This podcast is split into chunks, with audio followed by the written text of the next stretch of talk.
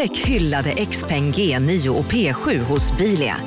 Våra produktspecialister hjälper dig att hitta rätt modell för just dig.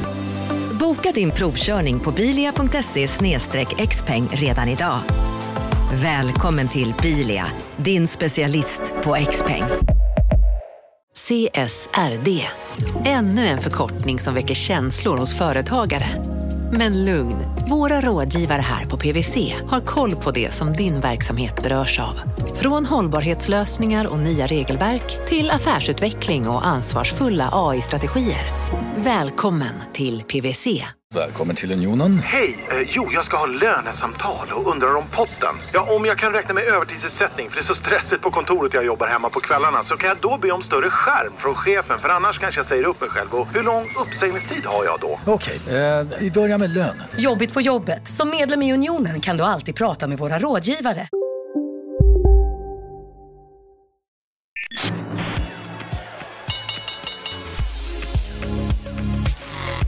Det här är Affärsvärlden med Helene Rådstein.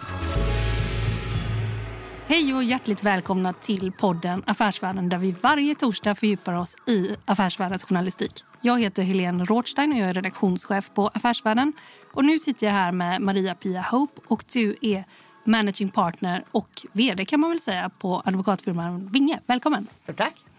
Du är ju managing partner och det är för att det är en partnerstyrd organisation. Men är du också vd?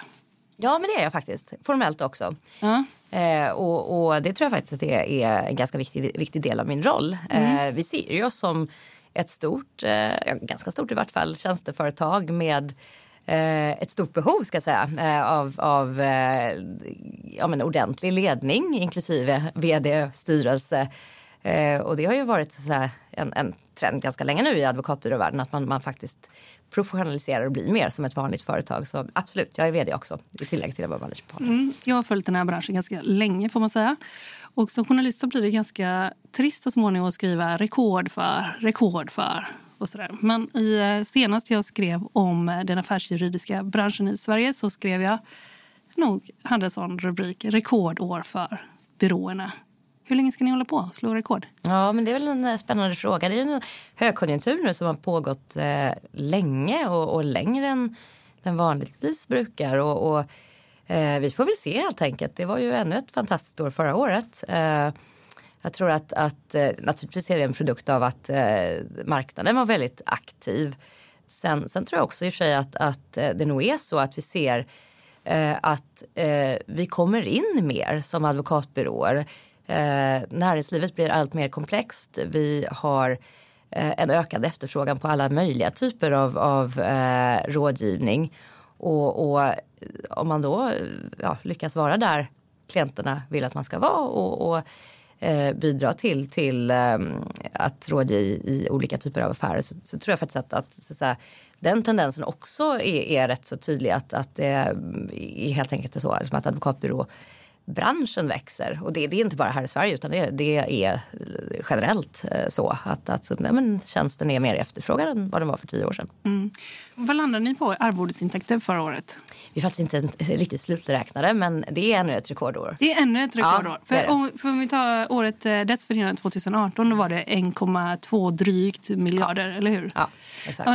För jag vet jag tänkte att det var ungefär 100 miljoner kronor i månaden som mm. ni fakturerar ut mot era klienter. Och vad är det då ni lever på rent, liksom, för då är det ännu mer nu då? Ja, ja och det, det, är ju eh, så att vi har sett en, en fantastisk transaktionsmarknad nu i ganska många år. Mm. Eh, det är ju eh, motorn maskineriet för många advokatbyråer naturligtvis att vara medverka, ja, medverka i stora ma projekt mm.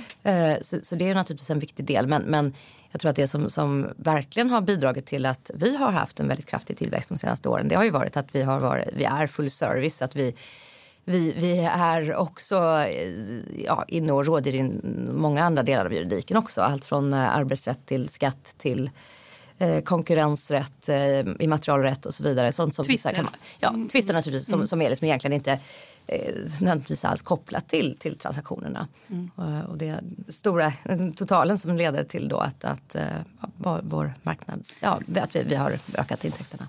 Men i den stora kakan, hur stor andel står ma marknaden för? Och det, där ingår också börsnoteringar och sådär, eller Just det, ja, men precis. Ja, alltså det är ett gott år kanske någonstans runt 40 procent skulle jag säga. Mm, Eh, Så det är ju ändå inte så att säga, majoriteten av, av eh, den större delen av kak- kakan utan, utan det är verkligen väldigt många olika delar som leder till liksom helhetsresultatet. Och vi ser också att det är eh, ganska många olika nya typer av juridik som efterfrågas. Eh, som, som, som sagt gör att liksom, tillväxten blir, blir eh, bra på det stora hela. Om vi då ser på ma marknaden vad är det, ni har inte så långa pipelines eller hur, på de affärsjuridiska byråerna? Eller var, var ligger du i tid nu liksom, när du blickar framåt? Hur, hur lång tid framåt har ni uppdrag för?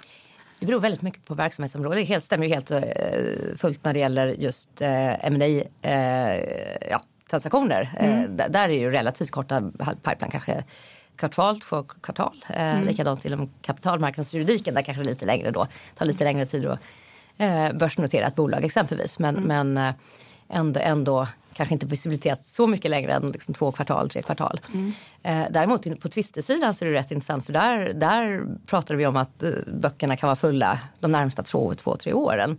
Pågående Eh, tvister, Ja, två, och det är också lite grann en trend att, eh, tycker jag, eh, och det diskuterar jag ganska mycket internt, att eh, vi blir mer tvistbenägna här i Sverige. Eh, det är förmodligen så att, att det faktum att vi har haft investeringar in i landet under långa tider gör att vi kanske har namnat lite grann den angloamerikanska approachen till att tvista. Det är inte nödvändigtvis så liksom att det är så eh, ja, men farligt som man kanske upplever att det var förr i tiden. Eller farligt och farligt, men farligt, att det påverkar relationerna eh, så mycket. Utan man, man, man ser det kanske lite mer som en del av, av att liksom göra business.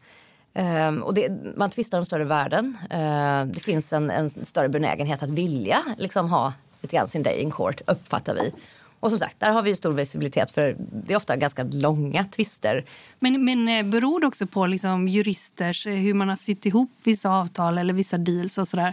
Kan man ge sig själv liksom jobb på jobb? Liksom ni syr ihop en affär och sen så går inte den så bra så är ni där på tvistesidan sen. Jag tror inte att det, det är nödvändigtvis liksom det som bidrar mest, mest till, Ja. precis, till, till, till eh, eh, just att det, det är liksom en ökad mängd tvister. Utan, utan det, det är väldigt många olika faktorer som spelar in. Eh, just, just när det, liksom, ja, om, om det blir tvist eller inte. Det kan ju vara liksom att ja, förutsättningar har förändrats. Man har liksom menat lite olika saker visar det sig liksom, utan att det egentligen är någons fel. Eh, det, som också är kul är ju att, att Sverige har en väldigt bra eh, position eh, internationellt sett med väldigt många internationella skiljeförfaranden också som inte har så väldigt mycket med affärer som görs här i Sverige men där man väljer Sverige, svensk lag som eh, det som eh, så säga, ska styra om det blir tvist. Och det kan väl vara företag i ja, men amerikanskt bolag eh, som gör en affär med ett kinesiskt bolag och man, där man bestämmer att man, om man blir tvist så ska man ses på neutral, eh, så att säga, neutralt territorium och, och också då avgöra den tvisten enligt svensk lag. Så det, och det ser vi en hel del av. Men jag tycker det är ganska intressant också med tvister för det sägs ju också liksom att det är väldigt energikrävande. Det är ju inte så mycket att man blickar framåt utan du får som företagsledare till exempel gå tillbaka. Vad är det som har blivit fel här? Och sen så kanske det är ju då stora värden som man sen kan göra någonting med om man får rätt till exempel och så. Men vad, vad tänker du? Du tänker att det med tvister, det är inte så farligt för för vad kommer det ut för gott för företagen med tvisterna? Att de ökar? Vad skulle du säga? Jag vill säga liksom att det kanske är nödvändigt eh, ibland att faktiskt eh, få en, ett eh, avgörande från en, så att säga, en part, en domstol eller en skiljenämnd som är neutral i förhållande till parterna. Att det kanske faktiskt i slutändan, inte nödvändigtvis så säga, med detsamma efter det att, att eh, domen avkunnats, men i slutändan gör att man kan lite grann gå vidare därför att man har låtit eh, någon oberoende titta på det. Så, så det tror jag kan kanske vara en, en bra effekt för affärsrelationen just med att faktiskt liksom ta det dit hän. Det kanske är liksom lite i och för sig en optimistisk syn på det hela men jag tror ändå liksom att det, det, det, det är ju accepterat på väldigt många håll i världen att man, man faktiskt eh, tvistar just för att egentligen komma, komma fram till liksom vad, vad det är som ska gälla och utan att det behöver förorsaka så mycket ont blod. Och är det många just energitvister som man ser? Eller kan du definiera lite olika branscher som, där du tycker att här är det väldigt vanligt? För jag vet att ni varit inne i någon energitvist till exempel. Ja men det stämmer. Energitvister förekommer absolut och det, det är ofta ganska stora värden särskilt om det är liksom nationer som är inblandade. Mm. Eh, inte ovanligt att de just går till eh, skiljeförfarande här i Sverige även om det som sagt inte är något annat än Eh, det faktum att det är svensk lag och svensk eh, skiljenämnd då som så här, eh, gör att, att tvisterna styrs hit. Men, men det, det är ju verkligen så liksom att det, det är hela spektrat av, av branscher som är involverade i, i, i tvister skulle jag säga. Liksom allt ifrån ja, liksom de sektorerna typ, som är viktiga i Sverige. Telekomsektorn, det, finns tvister inom, inom it-sektorn. Så, så, det är egentligen inte tänker jag, liksom, möjligt att säga liksom att ja, men en, en sektor är mer tvistbenägen än en annan. Men, men eh, som sagt, på det stora hela... Men det står oli olika summor. Liksom. Alltså, för här var ju ja. någon som ni var inne i, det var så här miljarddollarbelopp till exempel, ja. ganska nyligen. Ja. Nej men precis, och det är klart liksom att det, det är, är, väl kanske så liksom att just de här riktigt stora tvisterna, det är väl inte sällan just det är skiljeförfaranden som rör företag som faktiskt inte har någon anknytning till Sverige annat än att det är, det är eh, just svensk lag, eh, mm. svensk skiljedom som mm. gäller. Du lyssnar på Affärsvärlden med Helene Rådstein. Marknaden sponsras av SPP, pensionsbolaget. Eh, förra gången pratade vi lite om ITP. Och som en kort repetition så, så var det ju 70-tal, arbetsmarknadens parter bestämde att alla tjänstemän ska ha en tjänstepension. Man kom överens om vilka villkor som ska gälla i den här pensionen och så kallade man den för ITP. Så jobbar man idag som tjänsteman i ett företag med kollektivavtal, då har man förmodligen den här pensionen, ITP-pensionen. Eh, och det är ju så att man kan påverka eh, den här pensionen, hur den är placerad. Vart femte år så gör nämligen Collectum, som de heter, en enorm upphandling där olika pensionsbolag kan ansöka om att få förvalta eh, de här pensionerna. Och SPP är ett av bolagen som valdes ut i den senaste upphandlingen. Och sen kan du som pensionssparare välja eh, vilket av de här olika pensionsbolagen som, som då ska få ta hand om dina pengar. Och tanken med den här upphandlingen är ju att liksom kvalitetssäkra de här olika alternativen eh, men också att förhandla fram stora rabatter så att pensionsspararna ska få ja, kunna spara pengar genom att avgifterna eh, som är så viktiga eh, blir eh, lägre. Och vill man välja någonting i ITP-systemet då finns det en relativt ny sajt som heter avtalat.se. Ehm, där kan man gå in och se hur sin ITP-pension är placerad. Jag gjorde det häromdagen faktiskt. Ehm, idén är att hälften av pengarna alltid ligger i något som kallas för traditionell försäkring. Det här gjorde vi ett avsnitt om i podden Kapitalet nyligen eh, som vi kallade världens bästa sparform. kan man lyssna på om man är intresserad. Eh, den andra halvan eh, den kan man också lägga i en traditionell försäkring eller så kan man placera det i något som kallas för fondförsäkring. Eh, SPP som sagt eh, var ju ett av de fåtal bolagen som valdes ut i den senaste upphandlingen och de finns med som alternativ både med en traditionell försäkring och med eh, fonder. Så det var en liten bakgrund till ITP-systemet. Vill man läsa mer om det här eller typ kolla hur ITP-pensionen är placerad, eh, kanske göra förändringar, då går man in på avtalat.se. Eh, men tack säger jag till SPP som vill göra oss människor mer medvetna om hur enormt viktig pensionen är för oss som en framtida lön, men också som en positiv kraft i samhället eh, och förstås för att ni möjliggör eh, den här podden Marknaden. Om man ser den kortare pipeline, hur ser det ut på liksom, ma marknaden här framöver? Vad skulle du säga? Vad ser du för någonting? Jag tror att vi är försiktigt eh, optimistiska. Eh, mm. Även det här året får jag väl tillägga. Ja. Kanske inte så att vi ännu har sett så väldigt många eh, large cap M&A transaktioner. Alltså stora... Riktigt stora transaktioner. Eh, å andra sidan så är ju de inte alltid, det är inte så, så att liksom, de kommer i stora sjok varje år ens liksom, i en god konjunktur. Eh, vi tycker att eh, small mid cap är ja, aktivt fortfarande, mycket som köps och säljs. Eh, vi ser, och det, det är ju en, en eh, liksom allmän spaning, att private equity är verkligen på frammarsch med sina fonder i så mått att de är, blir större och större och fler och fler. Och hela liksom affärsmodellen är ju att köpa och sälja bolag och det är klart att det driver ju också en god marknad där likviditeten är god, en hel del aktivitet. Mm. och, och de förutsättningarna har ju inte ändrats bara för att det är liksom, ja, vi är precis över ett årsskifte. Utan de... Det är väl ganska bra klienter, för de är så professionella köpare av juridiska tjänster? Ja, men så kan man absolut, absolut Mm. se det. Och, och dessutom... Eh, Krävande va? Ja, de vet ju vad det är de vill ha. Eh, definitivt. Och, och vi tycker att det är väldigt roliga klienter att jag arbetar med. med att de har en väldigt proffsig approach till, till, till de processer som de ger sig in i. Eh, och roligt också att se att, alltså, att det verkligen är en bransch globalt sett som är på frammarsch. Eh, där vi i Sverige har en, en väldigt lång och väldigt framgångsrik liksom, ja, eh, del, del i den branschen. Det, det tycker jag är väldigt, väldigt positivt. Ja, det får man ju säga. I förhållande till vår storlek måste det Mm. ju nästan vara rekord, va? eller? Ja, jag kan inte de siffrorna rakt ut upp, upp och ner men jag, jag, jag antar att eh, absolut om man tittar på liksom hur, hur pass litet vi ändå är som land att vi har en, en oproportionerligt eh, liksom, eh, framgångsrik, välmående Private equity. private equity. Ja, precis. Och ni var ju med till exempel att ta EQT till börsen förra eh, Ja, nu är det förra året. Ja. Jag bara tänker, vilket år är vi på? Ja. Eh, vad, vad, kan du säga något om den eh, noteringen? Ni var ett gäng advokatbyråer från eh, London kanske också? Och eh, Sverige och USA kanske? Jag vet inte. Det är ju, det är så liksom, naturligtvis med alla de här riktigt stora noteringsmandaten att det är eh, ja, ett antal rådgivare inne. Eh, det här var ju speciellt i så mått att det var eh, vad jag känner till bara den andra eh, private equity ja, det andra private equity-bolaget eller företag, eh, sfären som, som faktiskt eh, noterades i Europa. Jag tror nummer ja, fem eller någonting sånt där. Till skillnad från i USA världen. kan man ju säga. Ja, men precis. Men det är inte så många Ja. där heller Nej. faktiskt. Så, så det, på det sättet så var det ju lite unikt. Mm. Eh, vi var väldigt, väldigt glada över att vara eh, liksom lead counsel för emittenten EQT. Det Mm. var verkligen ett, ett eh, roligt, eh, krävande uppdrag. Eh, och eh, vi har också arbetat väldigt länge med, med EQT så det var ju eh, fantastiskt att få med på den här resan då in i en noterad miljö sen. Ja, för så är det ju förresten att eh, liksom, traditionellt sett så var det väl också sådär att Vinge hade någon, eh, liksom, man har arbetat de stora advokatbyråerna som Mannheimer, Vinge, ni är ju de största i Sverige får man ju säga.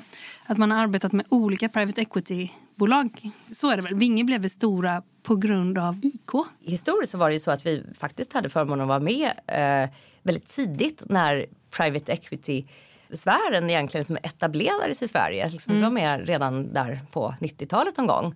Bland annat eh, med EQT. Eh, sen är det rätt att, att liksom, eh, över tid så har vi jobbat med flera av eh, PI-spelarna i, i olika typer av transaktioner. Mm. Men är det inte så att man liksom, en byrå har haft en, liksom en särskild P- P-bolag och en annan liksom levt på något annat? Jag tror inte att det är fullt lika uppdelat. Jag Nej. tror att eh, så att advokatbyråmarknaden i Sverige är ju ganska liten. Mm. Eh, och eh, jag tror att eh, de flesta PE-hus har ett antal svenska advokatbyråer på sina paneler som man vänder sig till regelbundet. Och så Mm. har det varit ganska lång, långa, långa tider nu. Om man tittar på nya verksamhetsområden, en sak som diskuteras allt mer i näringslivet generellt är ju styrelsers ansvar och ägares ansvar helt enkelt. Eh, och inte minst nu när vi har liksom penningtvättsanklagade banker så liksom var går gränsen någonstans? Och jag vet faktiskt att jag intervjuade just EQTs chefsjurist som heter Lena Almefelt eh, och hon pratade också om var liksom slutar vi som är ägare av bolag, andra bolag, var slutar vårt ansvar någonstans för vad som händer i de bolagen liksom, och sin sida? Alltså, när tar det hela slut? Och vi hade ju faktiskt HQ också för länge sedan, liksom moderbolagets ansvar. Nej, men, och de, de frågorna är ju ständigt aktuella. Jag tror att det är viktigt att liksom komma ihåg de grundläggande aktiebolagsrättsliga reglerna. Eh, I så mått liksom att man har ju som styrelse ett ansvar för det bolag man faktiskt eh, så säga, ja, sitter i styrelsen för. Ja. Och sen får man väl titta lite grann på governance och det är ju därför som governance-frågorna är så viktiga. Att man verkligen har liksom en tydlighet kring vad det faktiskt är som gäller i interna koncernstrukturer och så vidare. Och det har ju inte blivit mindre viktigt eh, liksom, ja, med tanke på det som har hänt de senaste åren och liksom hela den diskussionen som finns. Men är det en typ av avdelning, är det liksom, om man tänker vilka avdelningar hos er som liksom växer, är det typ en, en typ av avdelning som... Man ska Eller en, ja, vad- kallar man det? Affärs, eller vad kallar ni det för? Är det ett område? Är det en... Ja, alltså just om vi säger bolagsrättsliga frågor och corporate governance-relaterade frågor. Det kan man Ja. säga genomsyrar väldigt mycket av vår rådgivning egentligen oavsett vad den eh, också rör. Alltså oavsett egentligen om det är ett ma uppdrag eller en börsnotering, en finansiering eller en, ja, en tvist för den delen mm. så, så kan ju den typen av frågeställningar aktualiseras. Så vi brukar säga att, liksom att just kunna den typen av juridik det är på något sätt liksom ett grundkrav för alla våra jurister. Mm. Just för att det är så viktigt liksom att gå rätt i de frågorna. Och om man ser på nya verksamhetsområden, vad, vad skulle du säga, det här växer liksom just nu eller det här håller på att bli större hos oss just nu? Ni har så här crime någonting? Ja, men jag skulle säga just det, att jag tror att det som, som vi spanar eh, kring när det gäller framtiden är att vi tror att i större utsträckning eh, än tidigare så kommer eh, svenska advokatbyråer att involveras i olika typer av compliance-frågor, eh, undersökningar, in, in, interna liksom investigations. Eh, oavsett hur de initieras, oavsett om de är initierade av myndigheter eller om de är initierade internt på grund av att någonting har hänt. Sådär.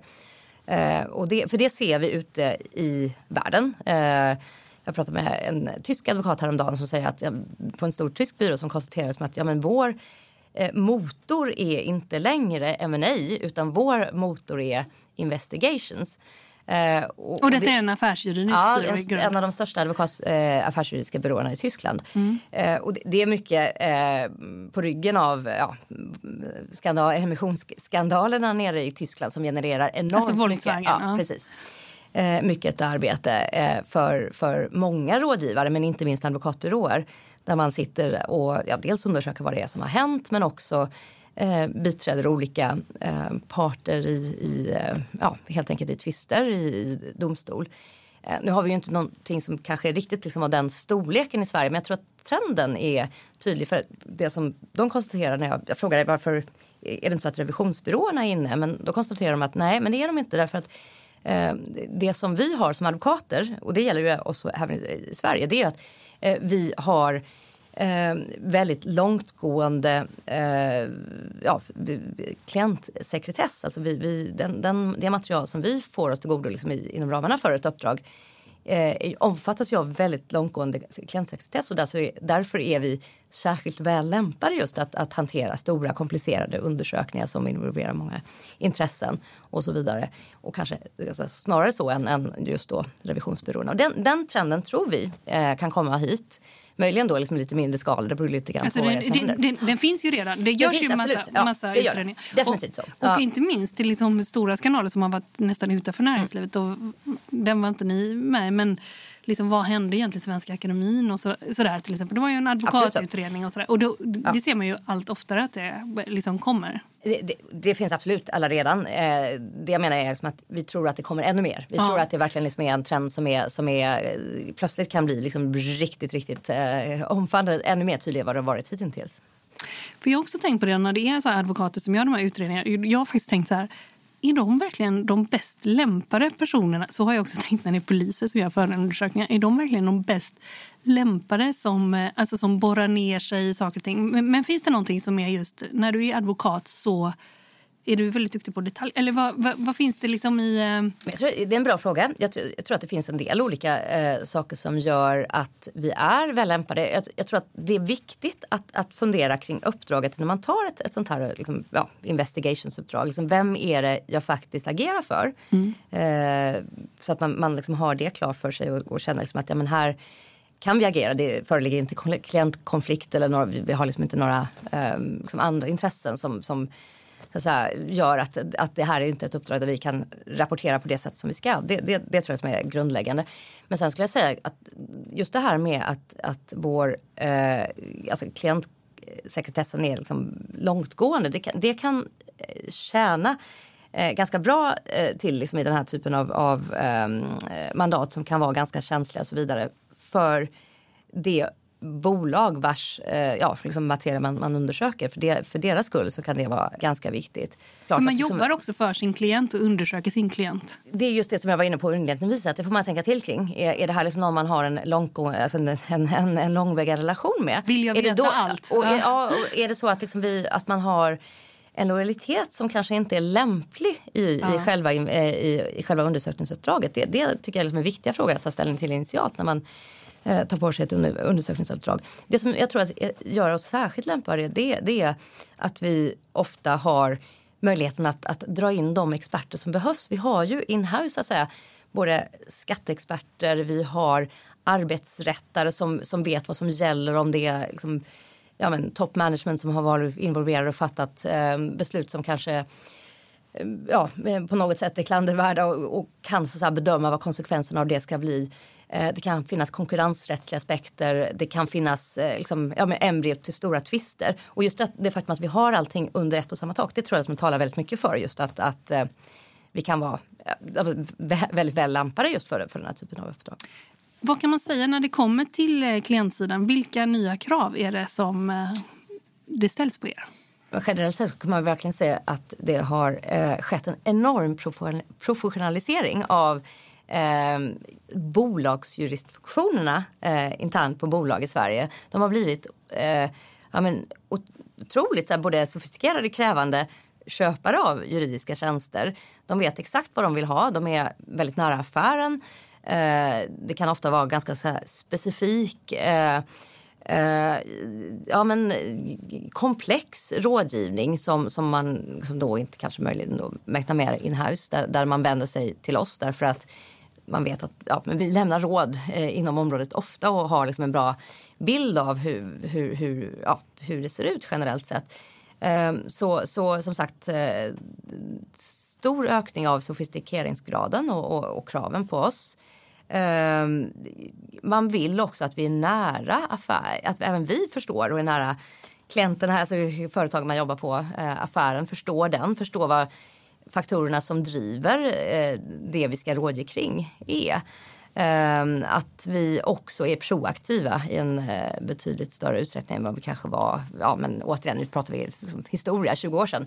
Men, men, eh, men att, att vi faktiskt eh, proaktivt mellan uppdragen följer upp med, med råd som rör branschen eller affären och så vidare. Så att, så att man liksom har den här täta kontakten, den här naturliga samarbetet så som gör att man sen liksom kan snabbt komma på banan när det väl liksom är någonting man behöver hjälp med. Eh, jag såg någon intressant nyhet här om Goldman Sachs som skulle ställa krav på näringslivet att de arbetar bara för hållbara bolag. Eller något mm, så, jag såg också det. Ja. Ja, SEB verkar väl haka på det tror jag. Ja, eh, för det tycker jag att eh, från den affärsjuridiska sidan så tycker jag att en sak som har varit en retorik ganska mycket är vi, liksom näringslivet kommer ställa krav på oss som rådgivare att vi ska vara mer heterogena. Det har inte varit så många kvinnor som är delägare och sådär till exempel. Det håller ju faktiskt på ändras på olika byråer. Det börjar variera mycket mer hur det ser mm. ut kan man säga i toppen. Men eh, jag tänkte på det som när jag såg Goldman Sachs där. Ställer ni sådana krav som rådgivare? Liksom, vi jobbar bara för bolag som står upp för de här värdena och är det något ni diskuterar? Vi diskuterar absolut det. Eh, och jag ska säga, hittills så har det väl kanske inte minst varit inom ramarna för eh, kanske branscher, företagstyper som, som kanske är lite alltså, kontroversiella. Det är vi rätt försiktiga med att eh, liksom, ta eh, den typen av uppdrag och det händer ganska ofta att vi avböjer uppdrag. Den möjligheten har va, va, och, och vad är kontroversiellt för dig? Alltså det, det är väl om jag ska vara ärlig eh, så, så är det ju mer liksom, branscher som faktiskt kanske inte är ja, men, helt eh, så säga, right side of the, ja, men, det som är allmänt accepterat. Eh, ja, men, porrbranschen till exempel skulle ja, inte agera för. Ja. Alltså mer, mer extrema fall så. Och samtidigt, för det som vi diskuterar som jag tycker är viktigt att, att, att säga det är ju att det finns en grundläggande eh, tanke i de flesta rättsstater att man ska ha rätt till advokat, alltså access to justice. Att man faktiskt ska ha, egentligen oavsett vad man har gjort eh, för någonting eller vad man ska göra inom liksom, naturligtvis eh, lagens eh, gränser. Att man ändå ska ha rätt till ett, ett, ett bra biträde och det, det, det, tror vi rätt mycket på. Eh, men, men eh, som sagt, eh, vi är måna om att liksom inte vara i branscher som vi inte vill associeras med. Men jag tänker också på det omvända perspektivet mm. som till exempel Goldman Sachs har tagit. Att näringslivet ställer inte krav på oss, Nej. vilka vi är, utan vi börjar ställa krav på ja. vilka vi vill jobba med. Ja.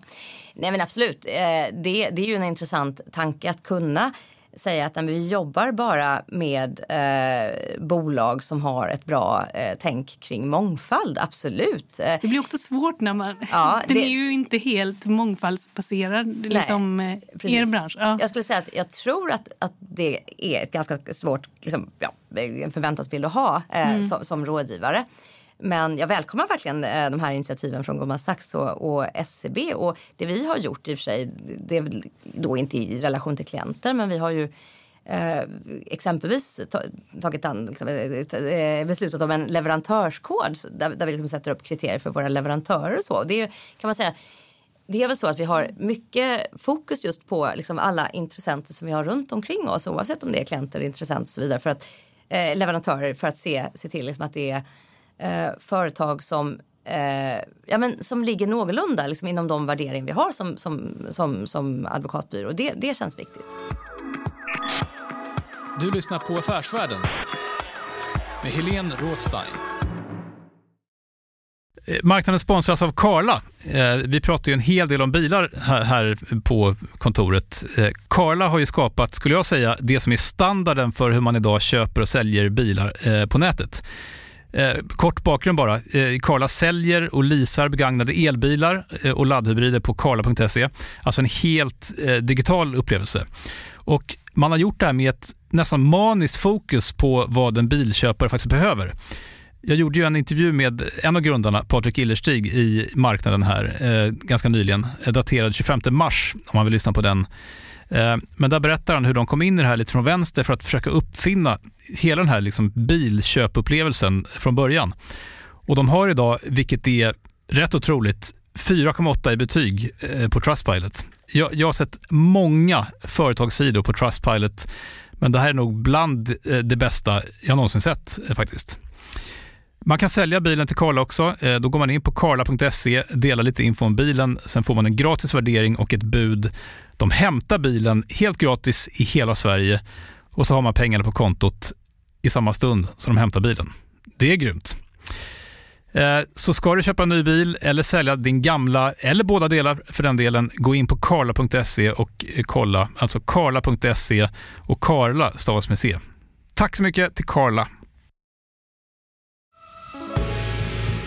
Du pratar om att ni är fullservicebyrå och eh, Eh, det betyder att ni är verksamma inom en rad områden. Så här, när det går bra så är det väldigt mycket transaktioner och sådär. Och sen när det går lite sämre så är det kanske till exempel omförhandling och re refinansiering och sådär utav lån och sådana saker. Men eh, finns det någonting som, jag tänker att ni är också en spegel utav det som händer i näringslivet. Finns det någonting där du ser liksom tecken på att vi närmar oss en lågkonjunktur? Du, nu pratar du här om twister, det brukar man ju, tidigare sa man att twister kommer när det går lite sämre, eller hur? Mm. Men, det, Men absolut, så, ja. så, så, är det. Och det, vi tror ju att det faktum att vi ser en ökning av eh, ja, men vår tvistlösningsverksamhet är ett tecken på att ja, men, ja, så, småningom så, så, blir det en sämre marknad. Man, man eh, jagar helt enkelt med, alltså, efter pengar i större utsträckning mm. än man kanske gjorde för några år sedan. Mm. Eh, sen, sen, ser vi också, och inte minst på västkusten då, på vårt Göteborgskontor så, så vet jag att man eh, har sett av en del eh, ja, men rekonstruktionsrelaterade, insolvensrelaterade eh, ärenden. Det har vi gjort även i vår bank och finansverksamhet här i Stockholm. Att ja, men det finns vissa sektorer framförallt som kanske då inte går fullt så bra som de har gjort historiskt. Retail naturligtvis som är ganska omskrivet eh, bland dem. Så det finns, det finns absolut tecken på att eh, ja, men, mm, det, det, det, det, är lite skakigt på sina delar, eh, på sina håll. Men, men eh, jag tror att det ändå generellt sett, och det är ju som sagt det, det är märkligt för det, jag har själv inte varit med om en så här lång högkonjunktur under mina 25 år i praktiken. Eh, det är märkligt att vi fortfarande är där. Det fortfarande är en hel del transaktionsaktivitet flera nya noteringsmandat ute i marknaden också. Vad gör det med er som byrå? Det är ju också en verksamhet som är, ni består av humankapital punkt. Va? Ja, det är vår viktigaste tillgång. ja, eller hur? Ja. Helt och hållet. Det, vad gör det? Liksom, man har att göra hela tiden. Man har att göra flera år på raken och folk måste... Ni är faktiskt en bransch som är kända för att folk knegar på som tusan. Det är en jättebra fråga. Eh, vi är ju otroligt måna om att man ska hålla i det långa loppet. Eh, att, att, vi inte Det är ju branschen inte alls känd i, för. Ja, men i, i, in i väggen. Sen, sen är det klart att liksom när det är som allra mest att göra så jobbar ju alla väldigt intensivt. Så, så är det. Men att verkligen eh, vara tydliga med att eh, man måste kunna eh, ja, men återhämta sig mellan varven. Det, det känns, eh, ja, men så resonerar vi verkligen liksom öppet idag eh, på ett annat sätt än vi kanske gjorde ja, i vart fall för 20 år sedan. Eh, så så, så det, det är viktigt och, och vi försöker också se till att vi har liksom ett bra tänk kring just ja, men Fungerar hälsa det bra? och så. Ja. Ja. men jag, vi, vi tycker det. Vi satsar mycket på liksom, eh, olika former av hälsorelaterade aktiviteter. Vi har ett samarbete med, som vi är väldigt stolta över med SOK där vi har eh, liksom, ja, men, ganska ofta olika former av eh, träningsövningar eh, så för att se till liksom, att man, ja, men, man, man håller kroppen i form också. Och sådär. Eh, yoga har vi precis infört också. Eh, och, och självklart så, så tittar vi väldigt mycket på liksom också eh, resursallokering, bemanning så att vi har liksom ett, ett, ett, eh, menar ett, ett, eh, klokt tänk kring hur vi eh, helt enkelt bemannar våra stora projekt så att man liksom inte Ja, liksom att man inte sliter ut eh, en och samma person hela tiden utan man har liksom ett, ett eh, en, en, en, ehm, ja, en långsiktig idé kring det. Och där tror att vi har en fördel med att vi är så pass stor byrå att vi har ganska många människor att, liksom, att dra på. Um, vilket gör att vi, vi, vi har lättare att liksom, resonera i de termerna, liksom, att kunna, kunna hantera riktiga arbetstoppar. Mm. Du har jobbat på Vinge väldigt länge. Och, eh, och jag vet inte hur länge du har varit delägare. Jag har varit delägare sedan eh, ja, 2003, alltså 17 år. Ja, Jag var ju tvungen att tänka. Ja, det är länge. Ja. Ja, det är länge. Och eh, vd och managing partner, vad är det? Åtta år, Åtta. Ja. Nästan. Mm. Eh, sju. Mm, kul. Jag vet att du jobbade tidigare som advokat i London. Och Jag var i London och intervjuade Lisa Göransson som jobbar på en jättestor brittisk advokat, eller global får man ju säga, advokatbyrå. Alan Overy. Och hon sa det är ju väldigt många inom det svenska näringslivet, svenska advokater som har varit jobb, och jobbat i London och som har lämnat stan för att det är liksom för jobbigt till slut. Liksom. Vad säger du? Alltså nu är det så här Brexit-tider och sådär. Och med tanke på att du var där och var verksam som affärsjurist och sådär. Vad tänker du liksom nu om det som händer i London och Men jag tycker det är väldigt sorgligt med Brexit. Jag, jag var ju med i den första kullen av studenter som fick eh, åka ut i världen på Erasmus, eh, under Erasmus-flagg då precis innan eh, Sverige blev medlemmar i, i, i EU och eh, spenderade ett år i, i Skottland och, och läste EU-rätt och träffade min man som var skotsk jurist eh, eh, och som nu ja, har flyttat med mig till Sverige. Liksom, ja vi- vi Han jobbar också på Vinge, eller hur? Så är det. Ja. Vi, vi, vi brukar ju säga det, liksom att ja, vårt äktenskap, våra alltså allting är ju i, i vår familj en produkt av det europeiska integrationsarbetet. Så det är klart att alltså, på ett rent personligt plan så tycker jag det är otroligt tråkigt verkligen att eh, ja, men Storbritannien nu har valt att lämna. När det gäller London, eh, jag tror att London kommer fortsätta vara starkt. Jag tror att det fortfarande kommer vara liksom en, en eh, ja, men ett viktigt finansiellt centrum. Att det inte kommer påverka de stora byråerna som är där i någon eh, nämnvärd utsträckning. Sen kan jag för egen del känna att eh, jag är glad att jag valde att lämna eh, London. Eh, det var ett fantastiskt, eh, en fantastisk stad att arbeta i i över ett decennium. Eh, men det är också Eh, ett, ja, men det är ett väldigt mycket hårdare liv. Eh, väldigt, väldigt svårt att ha två karriärer som vi har.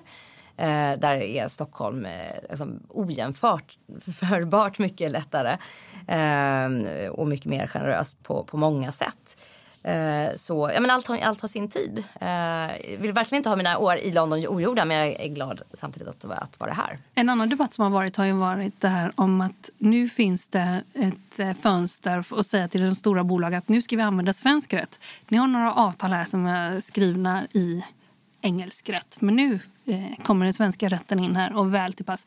Är det, no, är, det en sak, är det en fråga som ni har drivit? Men jag ska säga att vi märker faktiskt i, i eh, har märkt de senaste åren i, i ökande utsträckning att, att man eh, där man kanske liksom lite grann by default hade valt engelsk rätt tidigare därför att man liksom så ofta gör eh, ja, men transaktioner som involverar Londonmarknaden på något sätt om det är finansiering eller vad det nu är för någonting. Så, så ifrågasätter man eh, allt oftare att ja, men, behöver vi ha engelsk rätt eh, här på det här avtalet, i de här avtal, avtalen? Går det inte lika bra med svensk rätt? Eh, erfarenheten är att, att eh, tror jag, att eh, svensk rätt, eh, vårt sätt att eh, ja, men göra affär på är kanske lite enklare, inte så kostsamma. Eh, så jag har faktiskt sett eh, inom vissa områden liksom lite grann av en tendens, eller vi har sett inom vissa områden lite av en tendens att faktiskt gå med svensk rätt istället för engelsk rätt. Och kanske Så- som en produkt av Brexit delvis. Ja, så då kan ju Brexit gynna er lite. Ja, men lite så. Ja, okej. Vi har ju också tillsammans med er faktiskt, eh, och så utser vi via en jury eh, årets bolagsjurist varje år. Och det som jag tyckte var väldigt kul liksom i fjol, om man tänker den som vann just... Det är olika kategorier. Det är också årets nykomling och det är årets stil och sen så är det då årets bolagsjurist. Och han som utsågs till årets bolagsjurist, Oscar Arndt, han var ju med och sydde ihop den här stora affären med iSettle och Paypal. Som ju, de förberedde sig för en börsnotering. Det blev inte av, utan det blev istället en vad säger man, industriell köpare. Exakt. Ja. Eh, och eh, det är ju väldigt så här, kul tycker jag att närma sig de affärerna och ta del av det som liksom har hänt så där, lite bakom kulisserna. Du är ju med där, eller ni, eh, du kanske inte är med personligen jätteofta nu mera själv, men liksom, vad var det som försiggick? Hur, hur gick de här turerna och så där, det som man så långt man får veta. Eller man ska säga. Vad tycker du? Liksom, finns det något värde i att man utser liksom, årets bolagsjurist? Och, men verkligen så. Vi, vi är ju enormt eh, glada över just att ha varit med sen, sen det begav sig första gången för sju år sedan. Att, att eh, eh, sätta strålkastarljuset på eh, fantastiska ansträngningar som vi ser hela tiden. Eh, och lyfta det. För att precis som du säger att det sker kanske lite grann i det fördolda men det är så det viktigt. Ja, det är för- meningen. För de här, ja men det är meningen absolut så. Men det är så viktigt för de här stora affärshändelserna som, som, som det ofta handlar om då. Att, att, eh, att, och att kunna lyfta det. Att, att det finns en sån fantastisk eh, ja, men kompetens, en, en liksom intern drivkraft, ett ansvar. Eh, och ett engagemang. Eh, det, det, det tycker vi är väldigt roligt eh, att, att, säga, ja, att lyfta generellt men också naturligtvis i det specifika fallet liksom i relation till de här olika kategorierna. Vi kommer faktiskt återkomma vem som, eh, till vem som blir årets bolagsjurist 2020. Mm. Eh, jag säger tack till dig, Maria Pia Hope, managing partner från Vinge för att du tog dig tid att vara med i podden Affärsvärlden. Tack för att jag fick vara med och lyssnar på eh, podden Affärsvärlden med mig, Helene Rothstein och idag också med Maria Pia Hope som är vd och managing partner för advokatfirman Vinge. Ehm, jag tänkte bara passa på innan jag säger hej då att eh, hetsa folk till att eh, nominera era bolagsjurister på sajten aretsbolagsjurist.se. Utan å, alltså aretsbolagsjurist.se. Och eh, det gäller alltså om du har ett bra tips på en bolagsjurist som gjort något utöver det vanliga som kanske har hjälpt till att skapa mervärde för just ditt företag. Till exempel fjolårets vinnare var då chefsjuristen på iSettle som såg till att sy ihop en miljardaffär får vi lugnt sagt kalla det. Um, årets bolagsjurist 2020 det utses i samband med Sveriges bolagsjuristers vårmöte och det är den 1 april. Och det kommer även att delas ut två ytterligare priser för Årets stil och Årets Rising Star och eh, nominera fram till den 10 februari. Det var allt för idag, men mer fördjupande journalistik om näringslivet finns både på nätet och i Sveriges äldsta och det vet ni, bästa affärsmagasin. Du hittar oss enklast på affärsvärlden.se och podden den är tillbaka om en vecka. Håll ut, hej då!